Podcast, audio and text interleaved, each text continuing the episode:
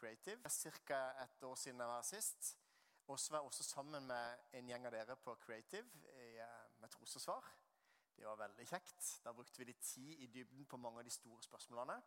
Og det er det som er litt av starten som skjer nå. Nå er det de store spørsmålene som skal startes med. Og så begynner vi med kanskje det vanskeligste spørsmål som er bestilt noensinne. Det ondes problem. Hvordan kan det være en kjærlig Gud når det er så mye vondt i denne verden? Og Mange kristne syns det er vanskelig å gi et godt svar på det. Og det er ikke så rart. For det er ganske, sånn, ganske sånn stor innvending mot kristen tro. Men som jeg pleier å si, det er at eh, hvis vi skal på en måte gå inn på disse spørsmålene, så er det ikke bare vi som skal gi svar på de vanskelige spørsmålene. Også de som har andre livssyn, må gi gode svar. Og de må jo også få det til å gå opp. Da må vi stille spørsmål. Hva, hvordan skal ateismen forholde seg til onde? Hvordan skal humanetikeren forholde seg til onde? Hvordan skal buddhisten forholde seg til onde? Hvordan skal muslimen forholde seg til onde? Alle må forholde seg til onde, og så må vi se på hvem som har det beste svaret. Nå har ikke vi mer enn 25-30 minutter, men jeg har lyst til å Nei, der, ja. Um, inne på Snakk om tro så finner dere veldig mange gode svar på vanskelige spørsmål. Snakk om tro, der husker det. Snakkomtro.no. Eh, der går det an å søke på problem. Eller så er det slash d-ondes-problem. Så får dere opp Der har vi lagd seks snutter på det ondes problem. Som er på tre-fire minutter på hver av de. Og så kan du følge opp den ene på den andre. Så jeg har lyst til å anbefale de videosnuttene der. De har sett det ganske mange nå. Og lik de, del gjerne. Hvis du, hvis du, er enig i den måten det fremstilles på, så del det. Så får dere spredt det på en annen måte, kanskje på Facebook. Så får dere gitt et svar som egentlig Jeg skal røpe egentlig til, meg, til deg med en gang. Jeg tror det egentlig er det beste svaret i det kristne tro. Overraskende nok. Så Derfor så har jeg lyst til å dele det med dere i dag også. Jeg er pastor i Østsida frikirke. Var i Kristiansand frikirke. og så planta vi ut menighet for fire år siden snart. Og så er det spennende å være på fagrådsskole i en gymsal. Gud virker i en gymsal også. Visste dere det? Det er sant Du kan ha dåp i en gymsal. Og konfirmasjon i en gymsal. Veldig kult. Så vi, vi trives der. Jeg er pastor der. Og så er også 10% som leder av fellesmøtene i Kristiansand. Har noen vært på fellesmøtene i Kristiansand? Ja, Da har dere kanskje sett at jeg leder de møtene der. Og så er det veldig, veldig gøy å kunne fortelle òg om en bok som nettopp tar opp de vanskelige spørsmålene. Det er en bok som heter 'Grillen kristen'. Jeg har sikkert møtt Grillen kristen i laget. Jeg har vært mye rundt og blitt grilla, hatt litt debatt med humanetikere på universitetet. og liksom forskjellig. Og så har jeg skrevet ett svar på ett av de 20 spørsmålene, eller innvendingene mot kristen tro. Så kan ikke jeg anbefale det så veldig mye siden jeg har skrevet det sjøl, men jeg kan anbefale de 19 andre. Det er veldig gode svar på, på noen vanskelige spørsmål. Så her har jeg tatt med meg syv-åtte stykk. Hvis noen har lyst på den, så koster den 200 kroner. Ehm, og da er det spørsmål som dette. Fins det bevis for Guds eksistens? Guds eksistens? Trenger vi Gud når vi har evolusjon? Hvordan kan Gud være både én og tre? Ja. Hvorfor måtte Jesus dø? Og litt sånn forskjellig. Og så har jeg svart på dette spørsmålet. Hvorfor skal Gud absolutt mene noe om min seksualitet? Ehm, et krevende og vanskelig spørsmål, men som vi også trenger å være tydelige på og så være frimodige på. Så hvis noen har lyst til det, så kan jeg bare hugge tak i det etterpå. Men jeg brenner for det at vi trenger å vise at det vi tror på, er fornuftig. Nå, Rett før jeg kom hit, så hadde jeg faktisk en andakt på, på eh, Hellemyr i Hellemyr kirke. Men rett før det så var jeg innom på en samtale på biblioteket mellom to ateister som snakker om det kan finnes noe godt i religioner. på en måte, Om det, kan være til noe nytte for noe. Det var ingen religiøse som var invitert, men de hadde en samtale på det. og det synes jeg var interessant, Spesielt fordi eh, han ene som er der, som er psykolog Vi lager en podkast for tida som heter 'Pastoren og psykologen'. Altså, du kan finne den Hvis du søker på podkast, så kan du finne den. Litt, litt for spesielt interesserte. Eh, men vi har, jeg har lyst til at det skal være rom for å stille de vanskelige spørsmålene, selv om ikke en har svar på alt. Og så har jeg så lyst til at det skal være sånn at det, jeg må nødt til å utfordre min tro.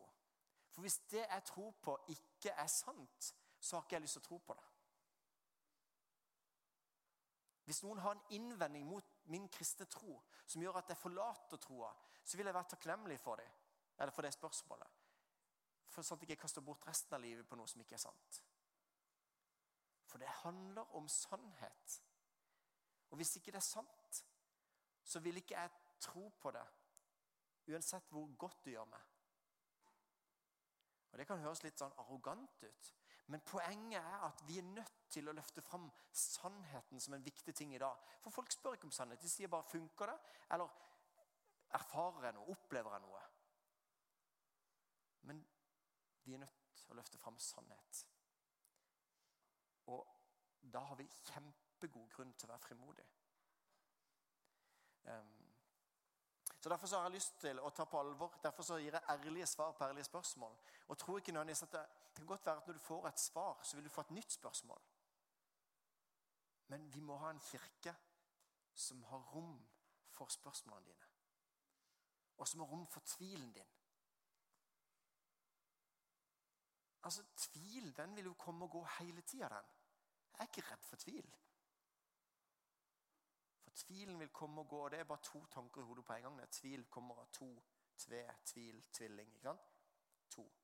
Så når jeg tror at Jesus lever, så kommer noen og sier 'Jesus lever ikke', så, så kan jeg få tvil. Så tvilen vil komme og gå hele tida. Det motsatte av tvil Nei, motsatt av tro er ikke tvil, men vantro. Det handler om at ikke du ønsker å tro.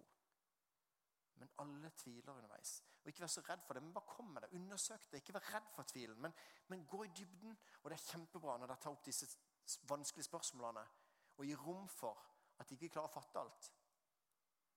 Men at de kan prøve å hjelpe hverandre på veien med noen ærlige svar på ærlige spørsmål. Jeg var nødt til å ha det som en innledning. For fordi vi er nødt til å ta og hjelpe hverandre. Eh, I går så satt jeg tre timer på lindrende avdeling på Kristiansand sykehus. Da er det en som har vært og hatt praksis hos oss fra Ansgar-skolen, som har vært og talt hos oss og fulgt meg som pastor for å se om dette kunne være noe for han, og som ligger døende på, på sykehuset nå. Akkurat nå så vet jeg ikke om han kommer til å leve mange dager til. Vi har bedt. Det har ikke vært noe svar. Og det er vanskelig å sitte sammen med foreldrene til han og kona til han. Jeg skjønner da sikkert litt om hvordan det kan være. Og så skal han sitte der som pastor og ha svar på disse tingene. Det er uforståelig. Og det er sånn at Av og til så kan du si, rope opp til Gud og si 'Hvorfor, Gud?' Kan du, bare, du kan bare gjøre sånn, og så er det i orden. Og så gjør du det ikke. Kan det være en kjærlig Gud når det er så mye vondt i verden? Og Dere har jo sikkert opplevd det for deres del, at dere har opplevd smerte tett på livet deres. Ah, så er det bare Hvorfor, Gud? Hvorfor tar du det ikke vekk? Og så er det ikke noe svar på den måten at det, det onde det rammer blindt. Det er noen som ser ut til å få alt, på en måte.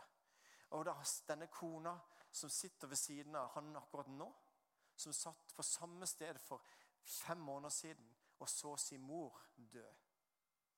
Da tenker jeg, kjære Gud, hvorfor?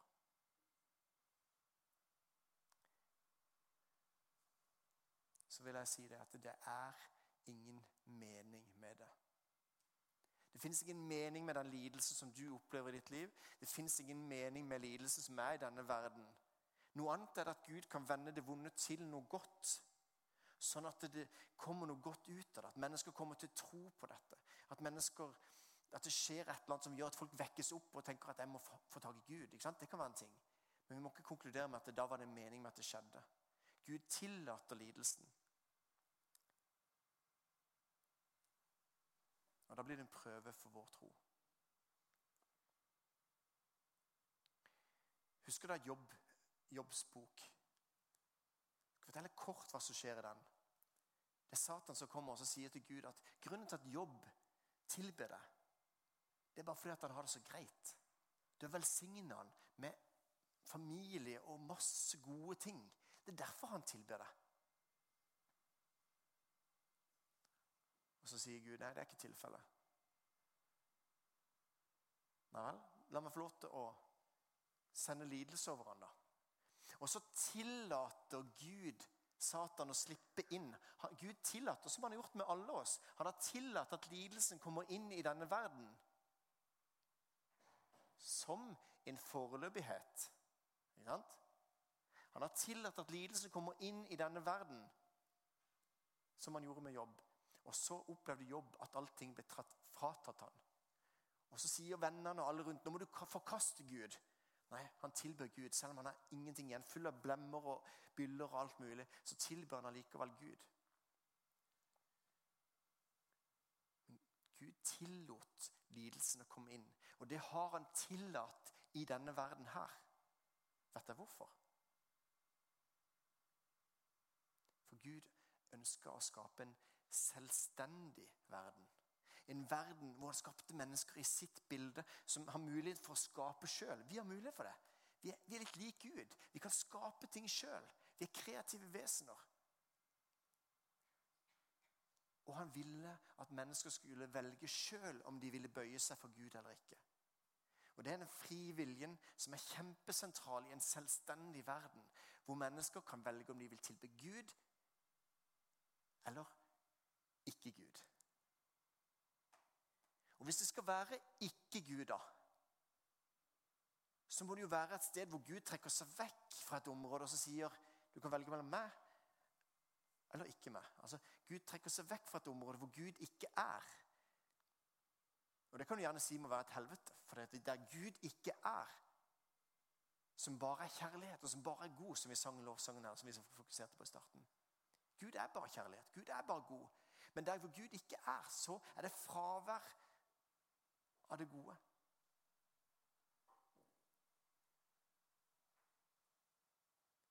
Hva er blindhet? Blindhet er ikke noe i seg sjøl. Blindhet er fravær av syn. Mangel på syn. Ikke sant? Så Det samme tenker jeg om, om det onde. At det er fravær av Gud, fravær av kjærlighet. Derfor måtte Gud tillate at den onde kom inn i Edens hage. Han måtte tillate at slangen kom inn. Han måtte sette et kunnskapens tre i Edens hage. Hallo, Alle har jo stilt det spørsmålet. Er det mulig å sette kunnskapens tre der og si du må ikke spise av det treet? Det er bare sånn, det må du i hvert fall gjøre. det, ikke sant? Det var alt det fantastiske. Gud vandra sammen med menneskene og ga alle muligheter. Spis, og, men ikke spis av det. Kunnskapens tre. Ja, hvorfor satt han det der, da? På grunn av fri vilje. På grunn av at mennesker skulle få lov til å velge om de ville tilbe Gud eller ikke. Bare tenk dette. Han anbefaler ikke spis av det, for da får dere kunnskapen om godt og ondt. Og hva har vi fått nå? Kunnskapen om godt og ondt på godt og ondt. Vi har erfart smerten som Gud anbefalte at ikke vi skulle ha. Er det med? Han anbefalte ikke spise det, for det er bare det det er, ja, Unnskyld uttrykket. Det er et dritliv hvis du, hvis du gjør det. Det er forferdelig. Ikke gjør det. Men Gud er ganske tydelig på det. At når de gjør det, så sier han at nå kan ikke dere være her i Edens hage. Nå må dere ut. Hvorfor? Jo, for da kunne de spist av livets tre. Og Gud vil ikke at, leve, at vi skal leve sånn evig. Derfor må vi ut av Edens hage. Sånn som Adam og Eva ble tatt ut av Edens hage. Så at de ikke skulle leve på den måten til evig tid. Det vil, det vil si at nå er vi døende vesener. Én av én dør. All forskning viser det. Vi skal dø, alle sammen. Noen dør raskere enn andre, men vi dør. Og egentlig så er det godt. For ellers ville kanskje ondskapen vært en del av denne verden hele tida. Men en dag så skal Gud sette en stopper. Da skal Gud knipse og skal ta vekk alt det onde. Da skal det være en ny himmel og jord. Da skal det være, som det står i Johannes' oppbaring, at det, det skal ikke være tårer mer. Ikke smerte mer. Ingenting vondt. For det som en gang var, er borte. Se, alt er nytt. Se, jeg skaper noe nytt. Ikke sant? Og da er det ganske likt Edens hage. Vær med på den bilden. Edens hage i første Mosebok og Johannes' åpenbaring. Det er ganske likt. For igjen så kan vi i, på den nye himmelen og nye jord spise av livets tre. Vi skal få lov til å leve evig. Men det er jo ikke noe kunnskapens tre der. Hvorfor? Det er for den har vi fått. Vi har fått kunnskapen om godt og ondt. Vi har erfart det. Men vi har valgt det gode. Vi som ønsker å følge Han. Og så kan Gud ta vekk ondskapen, som for evig og alltid skal tas bort.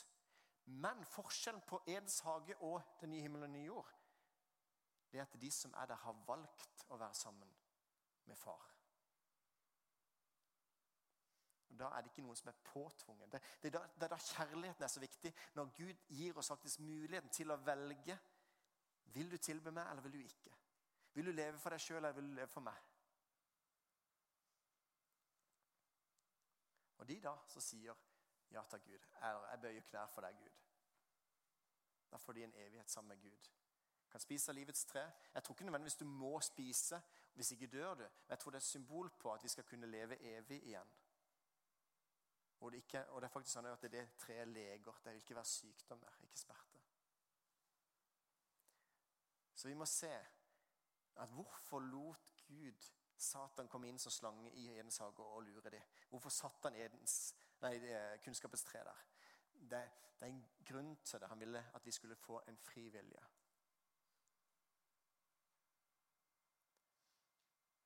Men han ville ikke at vi skulle leve på denne måten til evig tid. For det er en smerte. Og det er smerte for oss, men det er også smerte for Gud. Når vi lider, så lider Gud med.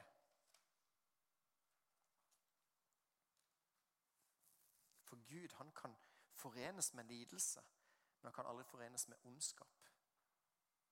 Men Gud lider på korset.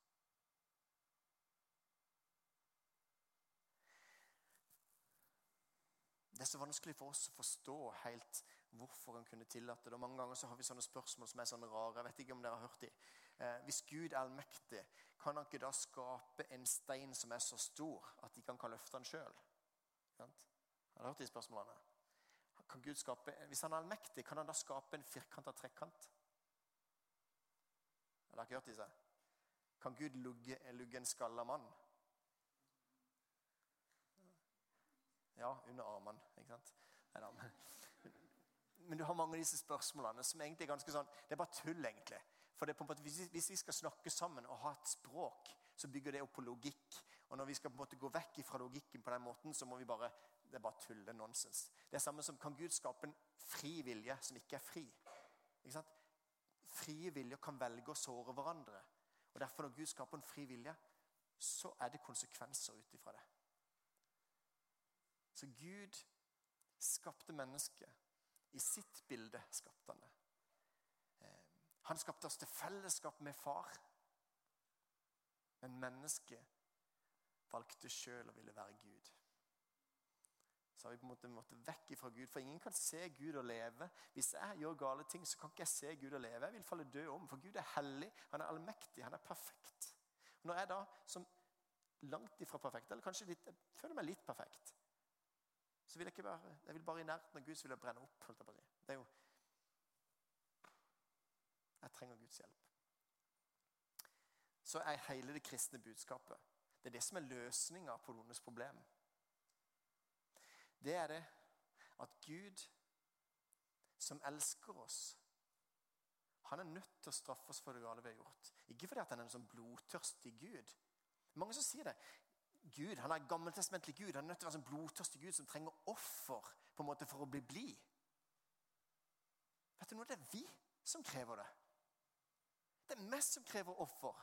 Når noen har begått urett overfor meg, så ville det vært forferdelig hvis, skulle, hvis Gud bare skulle se gjennom fingrene og si ja, men han har gjort så mange gode gjerninger etter han gjorde det mot meg, at ja, ja, Flere gode gjerninger enn dårlige. Du kan komme inn til paradis. Hvis noen av dere har blitt begått urett overfor, hvis noen har gjort noe vondt mot dere, så skal dere vite at det er en rettferdig dom i forhold til det. Hvis noen har begått urett overfor meg, så kan jeg gå inn i en tilgivelsesprosess. Nå skal jeg ikke ta enkelt på den, men for meg så handler tilgivelse om å oppgi rettigheten til å dømme. For det er Gud som skal dømme. Han ser det fulle av hele bildet. Så Gud skal dømme. Og det er godt. Det er rett at han dømmer, for han er rettferdig. Og da er det bra at han tar et oppgjør med det onde. Tenk deg, Alle er enige om det, at Hitler eller Anders Behring Breivik de fortjener en straff. Det er alle enige om. Det ville vært for galt hvis Gud sa det er greit. Så Gud skal, straffes, eller skal straffe dem. Men det vi ikke er fullt så enige om, det er når mormor eller meg og deg, som stort sett er bare snille, at vi skal straffes. Hva hvis Guds standard er litt høyere enn min og din? Hva hvis Gud hater at jeg baksnakker et annet menneske som Gud har skapt? Hva hvis Gud gråter hver gang jeg gjør det vanskelig for et annet menneske som Gud elsker? Det er godt at Gud tar et oppgjør med det onde. Og det er rett. Gud blir ikke ond på den måten. Gud er rettferdig. Gud tar et oppgjør med det onde. Og det er godt. Så er problemet at når Gud da Ok. Hvis Gud bare kunne tatt det onde på den sida og tatt det gode på den sida, og så hadde han tatt vekk det onde, 1, 2, 3, vekk, så hadde det vært veldig greit. Men problemet er jo det at den skillelinja mellom det gode og onde den går gjennom mitt hjerte. I mitt hjerte så er det både godt og ondt. Jeg skammer meg over meg sjøl av og til. Det er godt og ondt i mitt hjerte. Og når Gud da straffer det onde, så ryker jeg med på kjøpet. Du går ikke skille det, for det går gjennom mitt hjerte. Og Så kommer det evangeliet, da, det kristne, glade budskap. Det er det at Gud straffer det onde. Det er ikke sånn at han har forandra på det. Og det er godt at han gjør det. Men Gud elsker oss så høyt at han straffer seg sjøl istedenfor meg. det. Så Gud tar fortsatt så tar han oppgjør med det onde og sier det onde skal knuses, men så knuser han seg sjøl istedenfor. Så kan noen si ja, men han knuser sin egen sønn. Men det er jo seg sjøl. Gud er jo én Gud. Så Gud straffer seg sjøl. Og Jesus var den som var lydig og fornedret seg sjøl. Ble menneske og tok den verste straffa som kan tas. Ikke fordi at det å gå til Golgata og bli spikra til kors ja, det er forferdelig vondt. Men det, ikke, det, er ikke bare det som skjedde. All verdens synd ble lagt på Jesus. Sånn at når Jesus sier på korset, så sier han det, 'Min Gud, min Gud, hvorfor har du forlatt meg?' Når han sier det, så så han plutselig ikke far. Han, han som han hadde vært sammen med hele tida og sett og så plutselig så henger han på korset. 'Min Gud, min Gud, hvorfor har du forlatt meg?' Han som var uten synd, fikk all verdens synd lagt på seg. Som knuste han til døden. Min og din synd. Så er egentlig det problem evangeliet. Det som du har hørt mange ganger, at Jesus døde for våre synder. Og så går det opp i det at Gud elsker oss og Gud vil ta et oppgjør med synd, og så forenes de i korset. Derfor er, så, derfor er korset så viktig.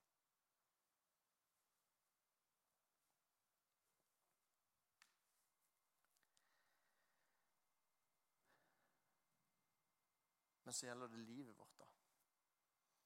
Hverdagen. Hvorfor blir, noen, hvorfor blir noen helbredet og andre ikke? Og det er mange ting der som gjerne kan gjøre at vi, vi sier at ikke vi ikke har noe svar på deres problem. Men det jeg tror, det er at det onde vil være en del av vår verden.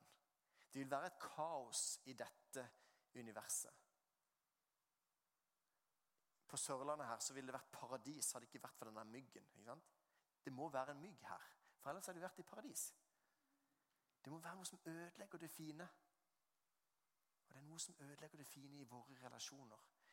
så er det litt baksnakking, så er det litt misunnelse, så er det sjalusi, og så er det mange ting som ødelegger det fine. Og så gir det meg en forklaring på at egentlig så er det ufattelig mye godt her, men som noe som ødelegger det fine. Og det kristne livssynet formidler dette. Det kan jeg se på de videosnuttene i forhold til andre livssyn, hvordan de skal prøve å komme i, i møte med det. Og der syns jeg ikke de har noen gode svar. Men smerten gjør like vondt. Og Min erfaring er det at når jeg ber til Gud om at han skal ta, gi en fred i denne verden, så er det ikke sikkert at det blir fred rundt meg. Men min erfaring er at det blir en fred i meg, i kaoset. Så Gud tar ikke og ordner alt opp, men han går med meg midt i det vanskelige og gir meg en fred. En sånn himmel over livet. Så når det er ting som er vanskelig i livet mitt, så tenker jeg at Jesus går med meg. Og, og, han gir meg en fred som gjør at jeg ser at her, denne lidelsen er kortvarig og lett. For det, det, vi har foran oss, det er en evighet. Sånn som Paulus sier i forhold til at det, dette er en kort del av det virkelige livet. Så kanskje du opplever at, um, at det da stormer i ditt liv. Og så tenker vi Jesus han kan stille stormen. Ja, han kan det. Men, men tenk over det at når Jesus han gikk på vannet da husker det. Han gikk på vannet. Så det vil si at han har makt. Han, kan, han kan, gå på vannet. Men han, stort sett så tok han båten. Dere er med på det? Han tok jo båten ellers. Han gikk jo ikke vannet hele tida. Han tok båten Jeg tenker litt sånn i forhold til sykdom osv. Ja, Gud kan helbrede, men stort sett så kan vi også bruke leger og vitenskap. Vi kan på en måte ta de vanlige tingene. Jesus kan stille stormen, men det det handler om, det er om vi har fred. Tilbake til min kamerat som ligger akkurat nå. Han har et kjempevitnesbyrd. Han kom til tro på Jesus noen få uker av en kamerat som tok ham med til møte. Ble kristen, og to uker etterpå så får han vite at han har svulst på hjernen. Så har dette båret han igjennom smerten. Og så har han pekt på Jesus. Han har pekt på Jesus på den måten der at når jeg sto på treningsstudio sammen, han fortalte hva Jesus betydde for ham. Og jeg som pastor bare krympa litt ned. for dette, Du trenger ikke prate så høyt om Jesus her, liksom. Jeg blir så flau at jeg tenker sånn. Jeg var litt for frimodig, på en måte. Men fytti grisen. Fantastisk. Han pekte på at Jesus betydde en forskjell. Og da er det som Jesus sier til Lasarus. Lasarus vekker opp Lasarus fra de døde. Men han vekte ikke opp Lasarus fra det døde den andre gangen han døde. Vi har ikke sett Lasarus iblant oss i dag, så Lasarus døde den andre gangen. Men Lasarus ble vekt opp fra de døde for å vise at Jesus har makt over døden. Men det Jesus sier til, sine, til Lasarus sine søstre, Martha og Maria, det er dette.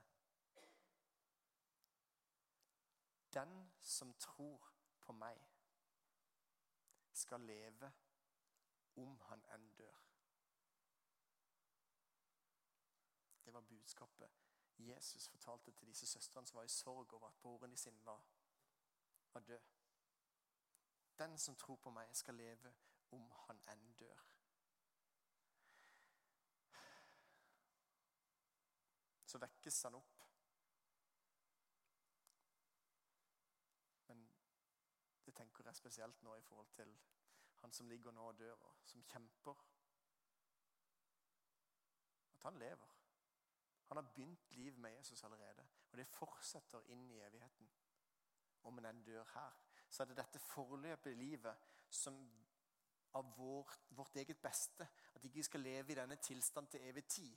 Så vil vi dø, og det er bra. Men de som vil, skal få lov til å få en evighet sammen med Han. Det er jeg så takknemlig for. Jeg har lyst til å utfordre dere Du kommer sikkert til å invitere til forbund også etterpå. Men jeg har lyst til å bare spesielt utfordre dere som, som, opplever at dere kjenner på at det er en lidelse i livet deres nå. At det er en smerte. Og så Kanskje du har stilt nettopp dette spørsmålet. Hvordan kan det være en kjærlig Gud når det er så mye vondt i verden? Og Det hjelper ikke å komme med noe sånn teoretisk svar, for smerten gjør like vondt for deg. Ikke sant? Og Hvis noen stiller det spørsmålet til deg hvordan kan det være kjærlig Gud som vondt i verden, så må du høre hva er det som gjør at du stiller det spørsmålet. For Det kan godt være at de har opplevd noe vanskelig i det siste. Og skal, det, det de trenger mest da, det er en god klem. At du bryr deg om dem mye mer enn et svar. Men vi som kristne må også kunne vite at dette henger sammen, at det er fornuftig at Gud har lagt en plan. Og Derfor må vi også gi et teoretisk svar.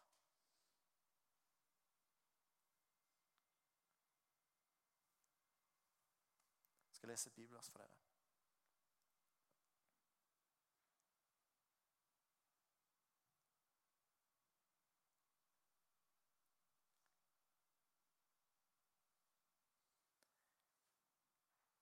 Det står litt om at i de siste tider så vil det komme spottere som far med spott og sier Hvor blir da løftet om hans gjenkomst? Skal ikke Jesus komme igjen?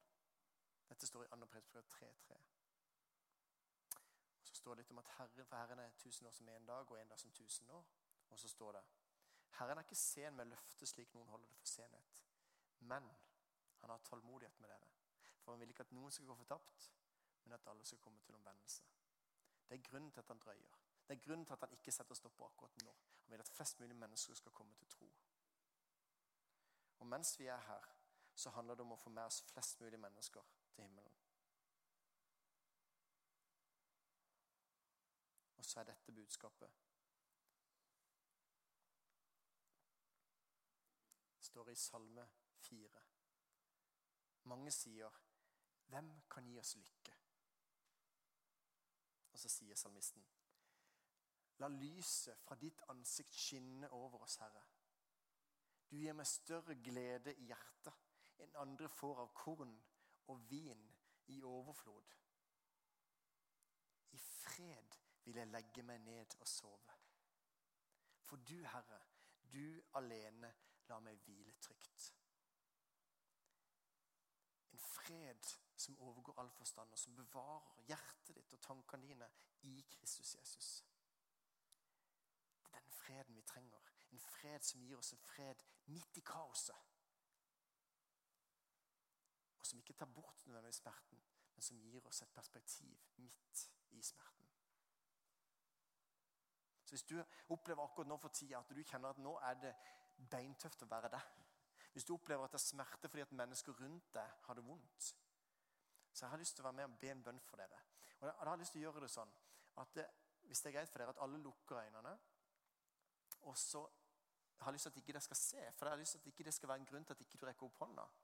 Så er det bare meg som ser, og så kan du få lov til å bare lukke øynene alle sammen. Bare lukke øynene alle sammen.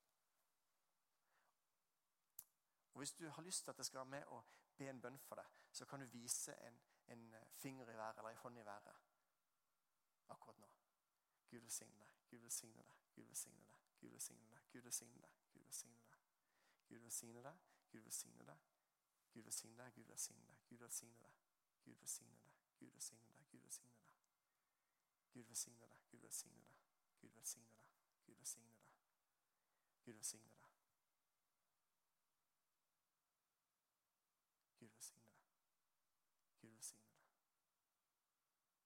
Velsigne deg.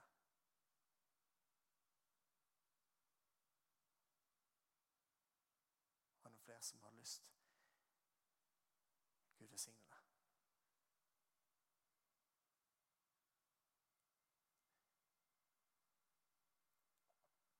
kan jeg ta ned hendene. Og så har jeg lyst til å be en bønn for dere. Kjære Gud. Dette livet er krevende. Dette livet er vanskelig. Jeg er så takknemlig Gud for at du har sagt at du skal gå med oss alle dager inn til verdens ende. Takk for at du er med oss midt i smerten og midt i lidelsen. Så jeg har lyst til å be om din rike velsignelse Jesus, over alle de som baker opp hånda. La de få lov til å merke en fred midt i kaoset. Når de kjenner at de sjøl vakler, så har jeg lyst til å be om at du må gi din fred, som overgår all forstand. Og bevare hjertet de sitt og tankene de sine i deg, Jesus. Vær med dem. Hjelp oss som kristne til å se hverandre som opplever smerte. Hjelp oss til å trøste hverandre, heie på hverandre.